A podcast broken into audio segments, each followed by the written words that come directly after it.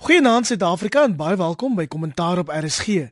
In hierdie program kookus ons oor die vernaamste nuusgebeure van die week en dit op die voorhand van die Aardklop diskoersreeks op Vrydag 27 September in Potchefstroom. Vanaand praat ons oor die bekendmaking van die misdaadsyfers die week. Omtrent al die politieke partye het nou hulle verkiesingsveldtogte bekend gemaak en ons trek vanaand parallelle tussen dit en woelinge binne Kusatu. En ons bespreek ook verwikkelinge in Sirië. My gaste is professor Amanda Gous, 'n politieke ontleder by die Universiteit Stellenbosch en dan ook professor Andre Dievenage van die Noordwes Universiteit. Voorens begin vinnige herinnering aan Vrydag se aardklop reeks van die kommentators wat jy gereeld hier op kommentaar op RSG hoor, gaan met die topleiers van die ANC en die DA debatteer oor van die vernaamste kwessies in die land. Die gespreksleier is beeldse politieke redakteur Jan Jan Joubert en ek gee aan die einde van die program meer presiese inligting. Maar kom ons begin met die bekendmaking van die misdaadsyfers die week deur generaal Ria Pejega, die nasionale polisiekommissaris. Amanda Ek meen ek dink dit skets 'n prentjie vir ons wat regtig nie goed is nie. Dit is op in al die kategorieë van geweldsmisdaad. En ek dink dis elke jaar 'n groot debat hoe betroubaar hierdie statistiek is, nê? En ek dink wat hier gebeur het of wat die klagte is is dat die statistiek uitgewerk is op die verkeerde sensussyfers. Uh met ander woorde, as ons praat van misdaad per 100 000 mense, is daai getal is nie reg nie en dit beïnvloed die feit of of misdaad op of af gegaan het. Nou ek dink in van die kategorieë is daar geargumenteer dat dit eintlik afgegaan het, maar as ons nou na die werklike prentjie kyk, dan het dit in al die kategorieë opgegaan. Die ander probleem is met seksuele geweld is dat al die misdaad rondom seksuele geweld soos verkrachting, gesinsgeweld, seksuele aanranding en so aan word in een kategorie gerapporteer. So ons weet nie byvoorbeeld hoeveel verkrachtings daar was nie. En die groot probleem is dat met die aankondiging van hierdie geweldsmisdaad teen vrouens is dit omgeruil met verlede jaar se statistiek. En ek weet nie of dit 'n probleem van die persverklaring was nie want dit is reg op die webwerf. Maar dit is omgedraai en dit het met 2000 opgegaan. Met ander woorde, as jy die die statistiek dan omdraai dan lyk dit asof dit met 2000 afgegaan het terwyl dit met 2.9% gestyg het. So ek dink net dit skep nie 'n goeie indruk nie.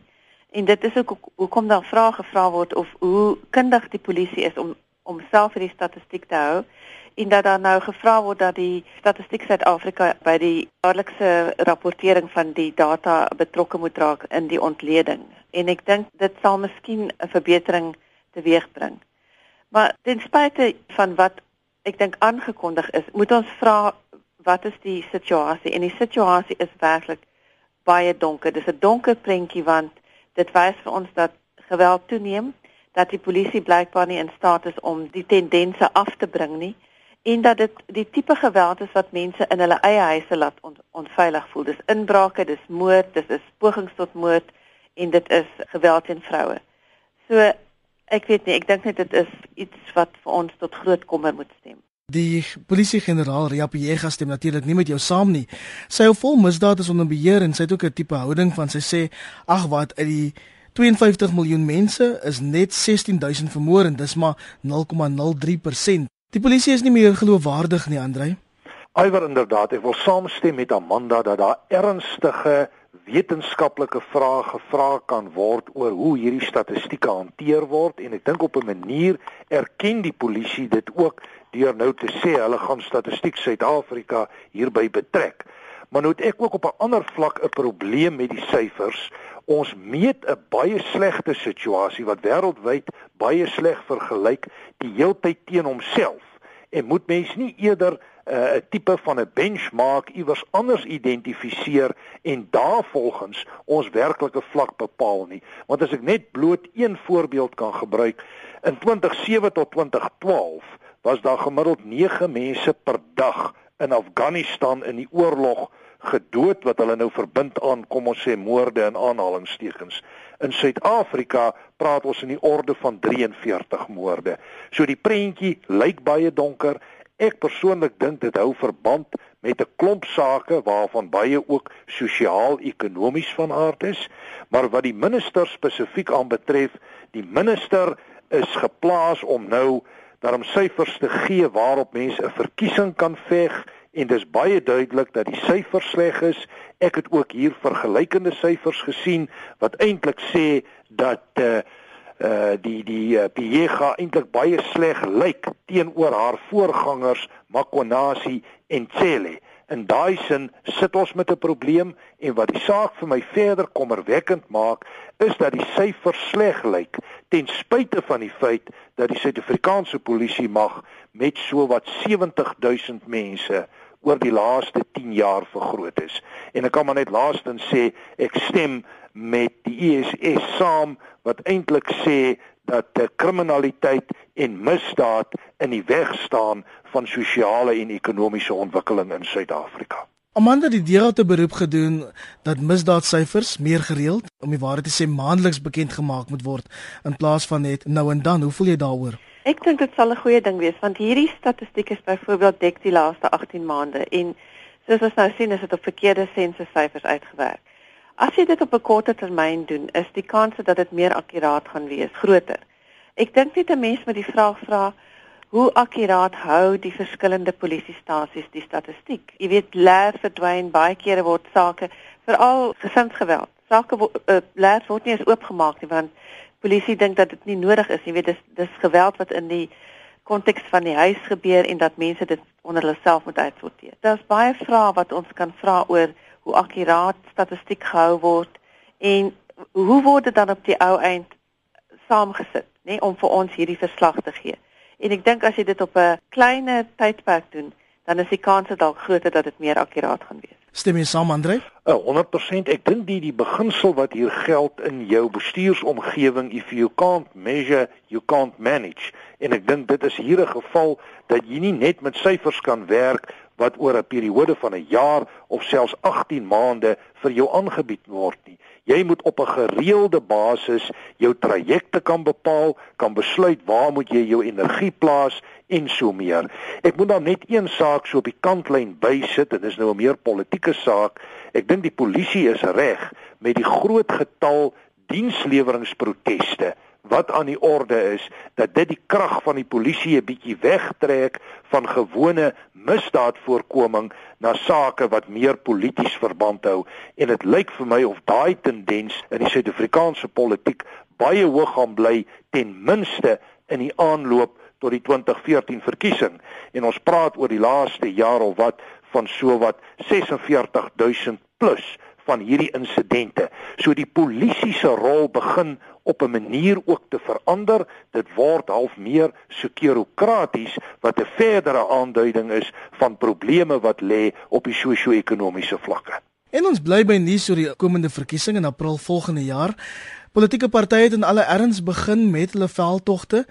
Amanda, jou indruk van die veldtogte tot dusver? Dit afgeskop met vraagstukke rondom registrasie. Die DA moedig mense aan om te gaan registreer en hulle argument is dit is jou reg om te kan stem. Die ANC het begin met deur tot deur veldtogte om om mense te herinner aan stem en ook soort van bekend te maak wat hulle voorsien vir die volgende verkiesing. Maar ek dink dit is nog vroeg in die veldtogte en maar ons kan klaar sien byvoorbeeld dat die misdaadsyfers byvoorbeeld 'n rol speel in die sin dat die DA daarvan beskuldig word dat hulle byvoorbeeld nie misdaad in die Wes-Kaap 'n beheer kan kry nie want Mitchells Plain byvoorbeeld word gesien as die plek in die land met die hoogste misdaadmoord en en en so aan. So wat ook al van nou af gaan gebeur, gaan definitief 'n impak hê op hoe dit gebruik gaan word vir die verkiesing. Dit sal interessant wees wat die ANC maak met die misdaadsyfers wat werklik nie baie goed reflekteer op die regerende party nie. Die kleiner partye het ook afgeskop. Dit is nog nie heeltemal duidelik wat in hulle manifestos is nie, maar ek dink dit sal vir ons duidelik word soos die tyd aangaan.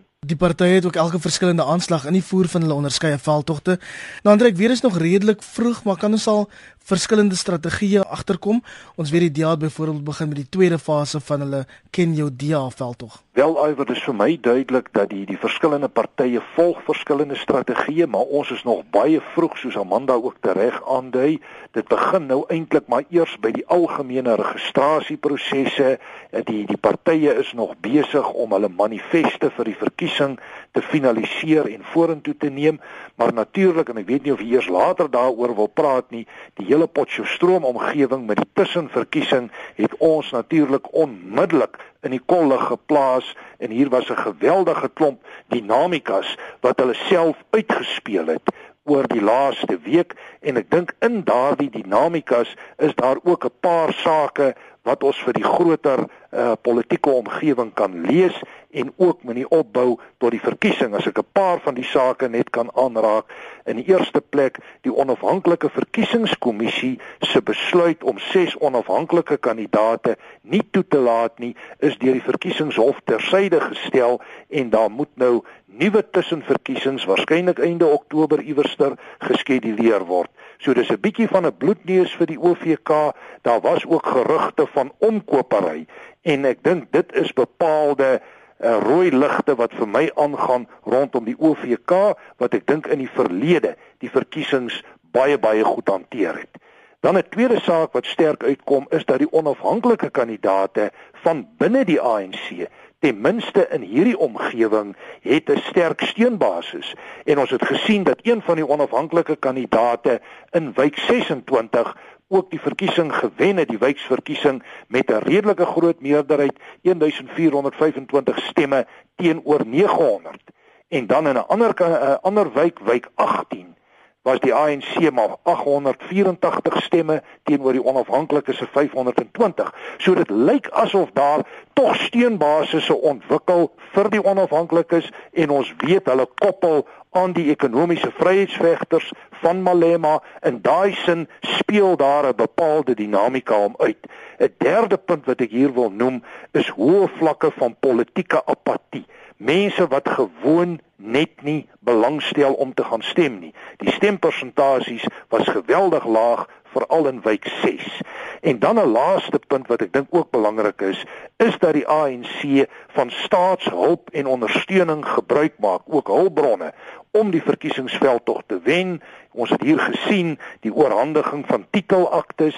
Ons het gesien hoe daar uh, bepaalde kospakkies uitgedeel word. Ek weet by die vroeë verkiesing hier vroeg in Augustus is daar komberse uitgedeel en dit is redelik kommerwekkend. En dan het ons ook gesien toe dit lyk of die ANC in sekere wyke in die moeilikheid kan raak in Potchefstroom, het meneer Ysmagashule, die voorsitter van die ANC in die Vrystaat, 'n paar honderd vrywilligers oorgebring Noordwes toe om te help. Nou ek dink in al hierdie tendense lê daar 'n klomp tekens, maar die groot teken is vir my dat ons 'n baie moeilike verkiesing tegemoet gaan en dat die ANC onseker is van hulle steunbasisse ten minste op hierdie stadium. Om aan ons nou gepraat oor die klokwet tussen verkiesings. Daar was ook tussen verkiesings in die Wes-Kaap. Kon jy spesifieke tendense in die provinsie agterkom? Daar was omtrent 11 tussen landwyd en wat die uitslae vir ons wys is die DA het hulle steenbou byvoorbeeld in Mossel Bay en in eThekwini en in van die ander distrikte waar waar daar verkiesings was, het die steen van die ANC dieselfde gebly. Ons sien dat ook byvoorbeeld in in Potchefstroom met die ANC twee van die wyke gekry en dan die die onafhanklike het een gekry. So dit lyk asof dit nog steeds die tradisionele stemming is soos wat ons dit nou gesien het in die vorige verkiesing. Maar ek stem saam met Andrei dat die onafhanklikes wat van binne die ANC kom 'n baie belangrike rol gaan speel. En ek dink daar is definitief onsekerheid oor waar lê die steen op die oomblik en ons gaan ook werk met twee nuwe faktore, agang en die ekonomiese vryheidsvegters. So ek dink Andrei is reg, dit gaan dit gaan 'n moeilike verkiesing wees. Daar ek dink daar gaan geweld wees daar gaan miskien weer no-go zones wees soos wat ons in die verlede gesien het waar een party nie in die area van 'n ander party kan eh, 'n uh, veldtog kan hou nie. En dit alles is nie goed vir demokrasie nie. Bloot die feit dat OVK moes intree om die hele saak in Klokwe soort van te besleg is al klaar vir ons 'n teken dat jy weet daar gebruik gaan gemaak moet word van ander meganismes om vuilspel soort van te verhoed. En ek dink dit is met ander woorde vir ons soos Andre sê tekens dat dat dit 'n moeilike verkiesing gaan wees en dat die ANC nie seker is waar die verskywings in steen plaasgevind het nie, veral na die hele kwessie rondom Marikana en ander problematiese uh, vraagstukke uh, wat die ANC in die, in die gesig staar. So ek dink dat jy weet as ons hierdie tussenverkiesings kan gebruik as 'n barometer, dan dink ek as daar goed genoeg gemobiliseer word deur die verskillende partye, dan kan daar 'n verskywing kom en ek dink dit is waarvoor die ANC bang is. Is dit hoe jy die tekens ook lees, Andrej? kan byvoeg daarbey dat Kossatu se eie interne problematieke lyk ook nie of dit 'n antwoord wil lewer nie. Daar is sprake van die moontlikheid van 'n spesiale kongres later. Ons het gehoor van die aanstelling van 'n baie senior taakspan eintlik al vanuit die ANC om die Kossatu problematiek te hanteer met name soos Ramaphosa, Maleka Mbeki, Gwedi Mantashe, Shweli Mkhize, Mildred Olifant en ander en dit is almal groot name wat vir my 'n aanduiding is dat die ANC ernstige probleme verwag ten opsigte van Kossatu en dat hulle hulle waarskynlik voorberei op 'n tipe van 'n breekspil in die proses om van Zwelenzima Wawi ontslae te raak en ek moet sê die Kossatu faktor is ook 'n faktor wat beduidend kan impakteer op die steunbasisse van die ANC. In daai sin maak dit die uitdaging vir die ANC waarskynlik as 'n party in die komende verkiesing nog groter. So ek dink die ANC het 'n baie moeilike omgewing om tans polities te bestuur. My eie oordeel is dat die ANC se steunbasisse nou laer is as in vergelykende tye voor nasionale verkiesings by vorige geleenthede. In daai sin is daar bepaalde opdraande stryd en sal die ANC waarskynlik iewerster 'n haas uit die hoed uit probeer trek. Nou wat baie mense bekommer is dat grond en die grondhervormingskwessie dalk in hierdie opsig baie sentraal gedefinieer kan word wat weer 'n klomp emosies kan loslaat. So ek dink ons is hier in vir 'n baie interessante aanloop tot die 2014 verkiesing en dit lyk vir my as ek na die oppositiepolitiek kyk of ons met 'n redelike sterk rekonfigurasie van oppositiepolitiek te make kan hê. Amanda het gepraat van 'n gang. Ons weet wat is die invloed van die ekonomiese vryheidsvegters. Ons het ook gesien dat Jacob Zuma se gewildheid in 'n peiling van Pondering Panda die laagste vlak bereik het sedert hy as president aangestel is. So ek dink daar is 'n klomp mense in Letuli huis wat tans redelik bekommerd is. En kan ek net daarbey voeg dat as ons gaan kyk die aankondiging van die jeugloon subsidie, die ANC het dit nou gemaak. En dit was eintlik 'n platform wat deur die DA ontwikkel is. So dit is om 'n basis op as die veld tog meer af te skop, maar ook om die DA te ondermyn. En dieselfde is byvoorbeeld met die inligtingwet die feit dat Zuma nou die inligtingwet terugverwys het na die parlement is 'n is 'n teken dat jy weet om steun vir homself te kry en ons sien dit is nie werklik 'n ernstige poging nie want dit gaan oor tegniese aspekte. Maar dit is tog belangrik vir Zuma om te wys hy doen iets.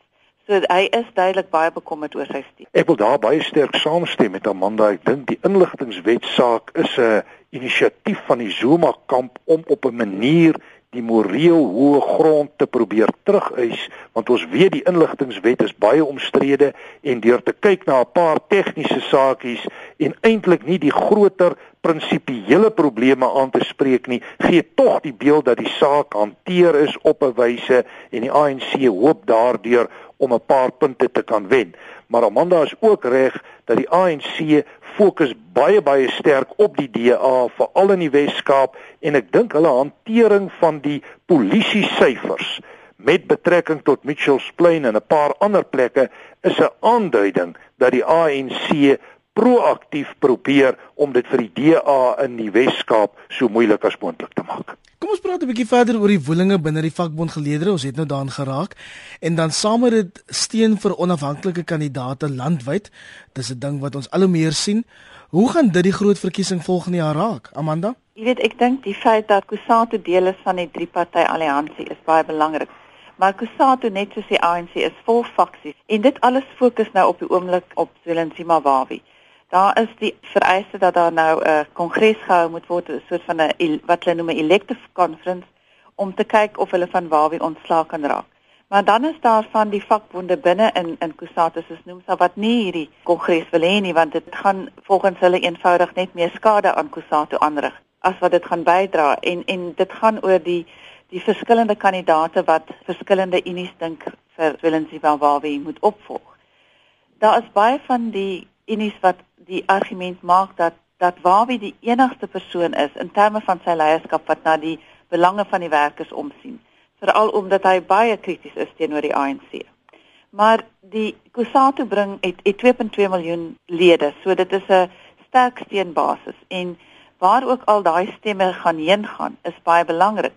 So vir die ANC om om Kusatu se ver te kry om hulle interne stryd te besleg is baie belangrik. Dis hoekom soos Andre verwys het na hierdie komitee met Cyril Ramaphosa en Connie September en so aan Balek Mbete wat groot name in die ANC is, is baie duidelik dat dat hulle geweldig bekommerd is oor wat aangaan in Kusatu en om dit te besleg. Ons moet ook praat oor die kiessyfer, die feit dat dit in elke verkiesing die stempersentasie afgekom het. In 94 was dit 86%, in die laaste verkiesing was dit 56%, so dit was 'n afname van 30%.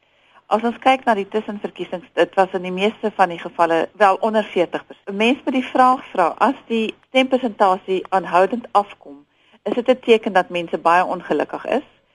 Hulle is, of hulle stel nie belang nie of hulle voel dat hulle kan nie vir 'n ander party stem nie, hulle bly buite stemming. Nou, as met ander woorde daar's 'n groot veld wat gemobiliseer kan word van baie ongelukkige mense. En ek dink dit is die groot vrees dat as mense, jy weet, of die die stempersentasie gaan baie laag wees of as die mobilisasie goed is, kan dit opgaan, maar waar gaan daardie stemme heen gaan?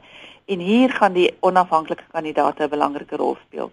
Want ek dink hulle is is vir mense eenvoudig 'n uh, 'n manier om te sê ek stem nie een of ander party nie, maar ek gaan nou stem vir iemand um, wat wat buite basies 'n party is. Die probleem daarmee is ongelukkig dat ons in die in die nasionale verkiesing stem ons net vir 'n party, ons stem nie vir 'n kandidaat nie. So dis eintlik net op plaaslike vlak wat onafhanklik is dan 'n belangrike rol kan. Andre jou reaksie? As ek vinnig by die laaste punt kan aansluit, ek dink Amanda is heeltemal reg. Mense sal moet sien hoe die onafhanklike kandidaate hulle steun herlei na watter groepering toe want hulle kan nie op hulle eie staan nie. Hulle sal iewerster 'n vlag moet kry en iewerster uh, op 'n lyn hulle self dan organiseer met partylyste. En op die oomblik is dit nie duidelik nie, maar soos ons nader beweeg aan die verkiesing wanneer partylyste gefinaliseer moet word, verwag ek dat ons die skuwe in oppositiepolitiek duideliker gaan sien. As dit kom by Kossatu, my indruk is op die stadium dat uh, as daar 'n spesiale konferensie gehou gaan word, het Zwelenzima Wawi inderdaad 'n voordeel. Hy's baie populêr op die voetsoolvlak omdat hy ideologies baie goed geposisioneer is in terme van steunbasisse. Zuma en die Zuma regering met die nasionale ontwikkelingsplan as sentrale beleid het ietwat 'n beeld van konservatief en neoliberaal terwyl Kossatu hulle met meer op die National Growth Plan lyn werk het 'n beleid wat meer progressief is en ons weet op die oomblik dat die groot getalle steun in die politieke omgewing ook hierdie amper 5 miljoen wat los lê en wat 'n plek soek om te gaan stem is gewoonlik mense met simpatieë links van sentrum. En dit sal baie interessant wees om te sien hoe daai steunbasisse in die volgende verkiesing gemobiliseer gaan word watter rol Kossatu en waar wie daarin gaan speel, wat is die plek van AMCO, die Workers Socialist Party, ons weet van 'n gang, ons weet van die Economic Freedom Fighters en dan weet ons nog van die bestaande partye ook. So dit lyk vir my of hier 'n hele nuwe rekonfigurasie van kragte na vore kan kom. Ons beweeg nou na nuus uit die buiteland en Sirië het begin om inligting oor chemiese wapens in die land bekend te maak as deel van 'n ooreenkoms wat verlede Saterdag tussen Rusland en Amerika aangegaan is.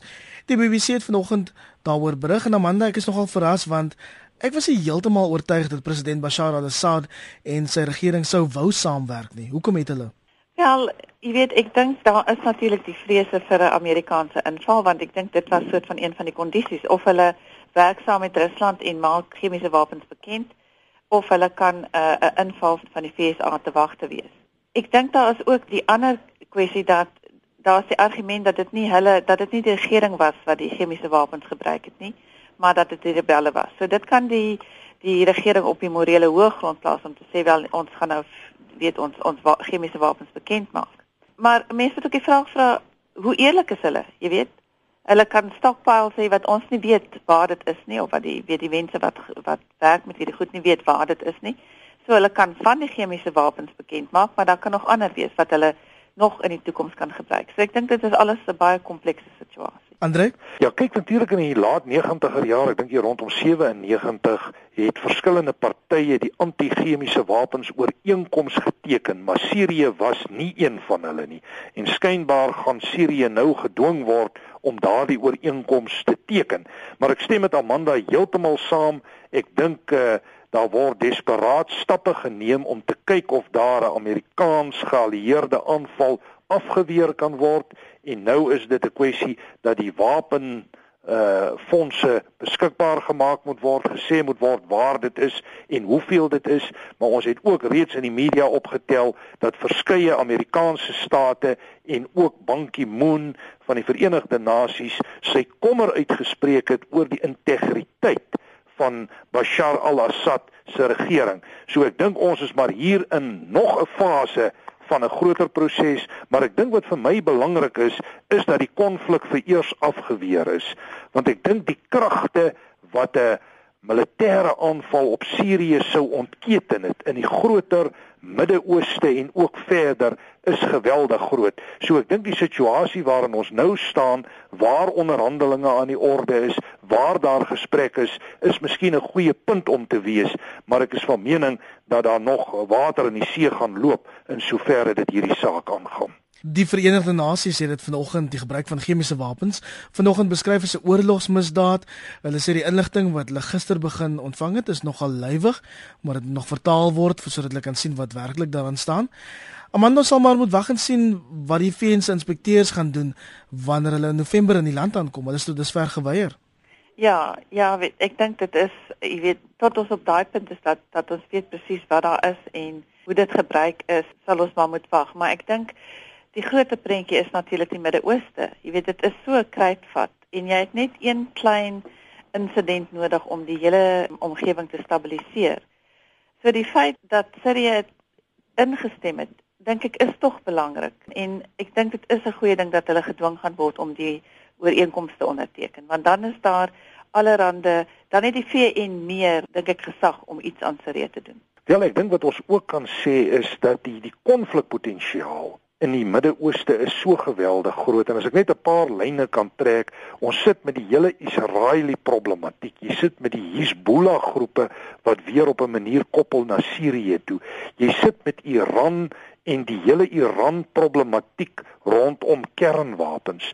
Jy sit met die Shiite Sunni konflik en ons weet daar was weer 'n groot uh, motorbomontploffings in Irak gewees uh, oor die afgelope dae waar klomp mense vermoor is en dan sit jy verder met Afghanistan wat onstabiel is.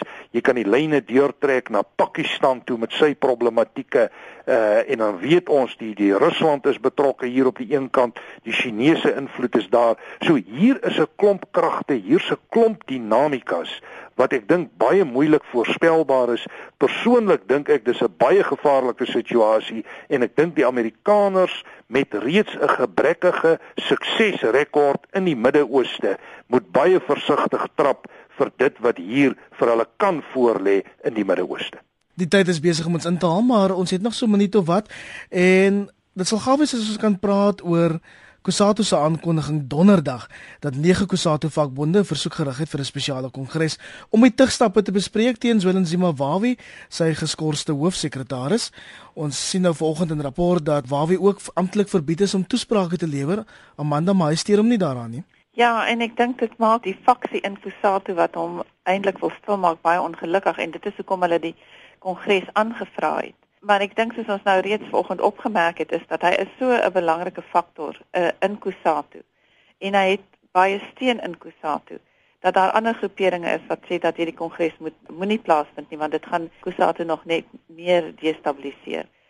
So ek dink die jy weet dit is 'n dit is 'n baie moeilike situasie, maar dit gaan ook natuurlik oor die feit dat die hy hierdie verhouding uh, met 'n junior kollega in die werkplek gehad het dit tesame met die ander korrupsieklag wat daar teen hom was oor oor Kusato huis dink ek is daar natuurlik mense wat dit gaan gebruik tot hulle voordeel om te sê hy is 'n swak leier uit Kusato se beeldskade aangebring en dat hulle graag wil voortgaan met die kongres. So ek dink dit gaan net afhang van die balans van mag binne Kusatu of hierdie kongres gaan plaasvind. En in wese is dit ook 'n bietjie van 'n geskil tussen Wawi en dan sou doen met Lamini wat Kusatu se president is. Sou doen met Lamini natuurlik 14 dae mee versoek vir hierdie spesiale kongres te oorweeg. Wat dink jy gaan hy doen, Andre? Wel, kyk, die twee keuses is natuurlik nou om te probeer om die die konferensie te vermy of dan onderdruk die konferensie te laat plaasvind. Ek persoonlik dink dat die druk binne Kossatu is besig om so op te bou dat 'n spesiale konferensie die groter waarskynlikheid is. En as dit die waarskynlikheid is, dan versterk dit in effek Zwelenzima Wawi se posisie. En ek sien in van vanoggend se Sondagkoerante is daar mense wat argumenteer dat Zwelenzima Wawi hierdie oorlog kan wen en ek wil daai moontlikheid ook glad nie uitsluit nie, maar dit is 'n baie baie slegte en negatiewe scenario vir die ANC. En jy kan nou die tipe lyne sien wat hier gespeel word diegene ten gunste van 'n konferensie sê laat die demokratiese prosesse praat dat ons hoor wat die gewone mense sê en kom ons neem 'n besluit. Die ander sê nee, jy kan nie heen gaan en 'n konflik wat so ver gevorder het demokratiseer nie, dan is dit verdelend van aard. Nou dis interessant dat die ANC en sekere groeperinge binne die ANC die lyn volg van nie demokrasie terwyl dit gewoonlik hulle norm is om demokratiese uh reëls en spelreëls te definieer wanneer dit kom by konflikte. En hier is 'n belangrike afwyking hiervan. My indruk is dat daai konferensie wel kan plaasvind, dat dit tot die voordeel van Zwelenzima Wawi en sy groep kan wees, dat ons 'n waarskynlike breek in Kossatu kan kry en dat dit die ANC baie sleg kan raak in die komende verkiesing. Die ANC stuur binne die volgende paar dae sy groot kanonne in om daar te probeer ingryp en dis onder leiding van Cyril Ramaphosa, die ANC se adjunkleier. Dink jy hulle sal iets kan uitrig Amanda? Wel, ek weet dit is dit is groot name wat deel is van hierdie komitee en ek dink dit gaan afhang van hoeveel mag hulle het, hoe geloofwaardig hulle gesien word om iets binne in Kusatu te doen. Nou kon in September kom uit die Unis uit Cyril Ramaphosa het baie um, ervaring met Unis. So daar is mense wat wat ek dink weet hoe om te werk met die die faksies binne in Kusatu. En ek dink dit is belangrik dat hierdie komitee gaan probeer om te kyk wat hulle kan doen rondom die situasie. Dis belangrik vir die ANC. Of dit belangrik is vir Kusatu, weet ek nie want ek dink dit dit is meer uh, dit gaan meer hier oor die belange van die ANC as dit gaan oor die belange van Kusatu. Ek dink wat belangrik hier is is die strategiese plasing van Kusatu as 'n vakverbond. Gaan hy bly om 'n st strategiese vennoot te wees van die ANC waar hy eintlik 'n bepaalde politieke rol speel en waarin hy 'n werktuig is en bly van die ANC veral in die aanloop tot verkiesings om dan weer 'n bietjie eenkant toe geskuif te word wanneer die verkiesings verby is. Of dan die ander vraag gaan hulle bepaald uitbeweeg uit die politieke dampkring van die ANC, hulle self posisioneer as 'n onafhanklike groepering weg van die drieledige alliansie en dalk bepaalde lyne en bepaalde bande bou met oppositiegroeperinge soos die Workers Socialist Parties, soos die Economic Freedom Fighters, selfs MKO kan teruggebring word in hierdie spel. So ek dink dis deel van die dinamika, maar wat vir my duidelik is, is dat die uitkoms van hierdie proses Kossatu baie anders gaan laat en ek dink sy strategiese rol in die Suid-Afrikaanse politiek is besig om te verander en dit is daardie implikasies waarvoor die ANC uh, tans uh, bekommerd is oor wat hulle graag op 'n manier sou wil bestuur dat dit nie tot die skade is van die ANC in die opbou tot die verkiesing nie, maar ek is bevrees om te sê dit lyk vir my of baie van hierdie water reeds onder die brug deur is. Die ANC het die infrastruktuur wat enige nuwe party nie het nie. So weet ek dink dis altyd dit is daar waar die die hele kwessie van Kusatu se wegbreek altyd faal is omdat dit eenvoudig net te afhanklik is van die ANC se verkiesingsinfrastruktuur. Dit bring ons aan die einde van kommentaar hier op RSG. Baie dankie aan professor Amanda Gous van die Universiteit Stellenbosch en ook professor Andre Dievenage van die Noordwes Universiteit. My naam is Iver Price en ek sien jou Vrydag in Potchefstroom by die Aardklop Diskurs reeks. Dit begin om 8:30 in die oggend by die Boeke Oase in Hofmanstraat in Potch En die gespreksleier is Beeldse Janjan Joubert en Janjan sê vir my die sprekers is Andrius Nel, 'n adjunkminister en 'n lid van die ANC se nasionale uitvoerende komitee.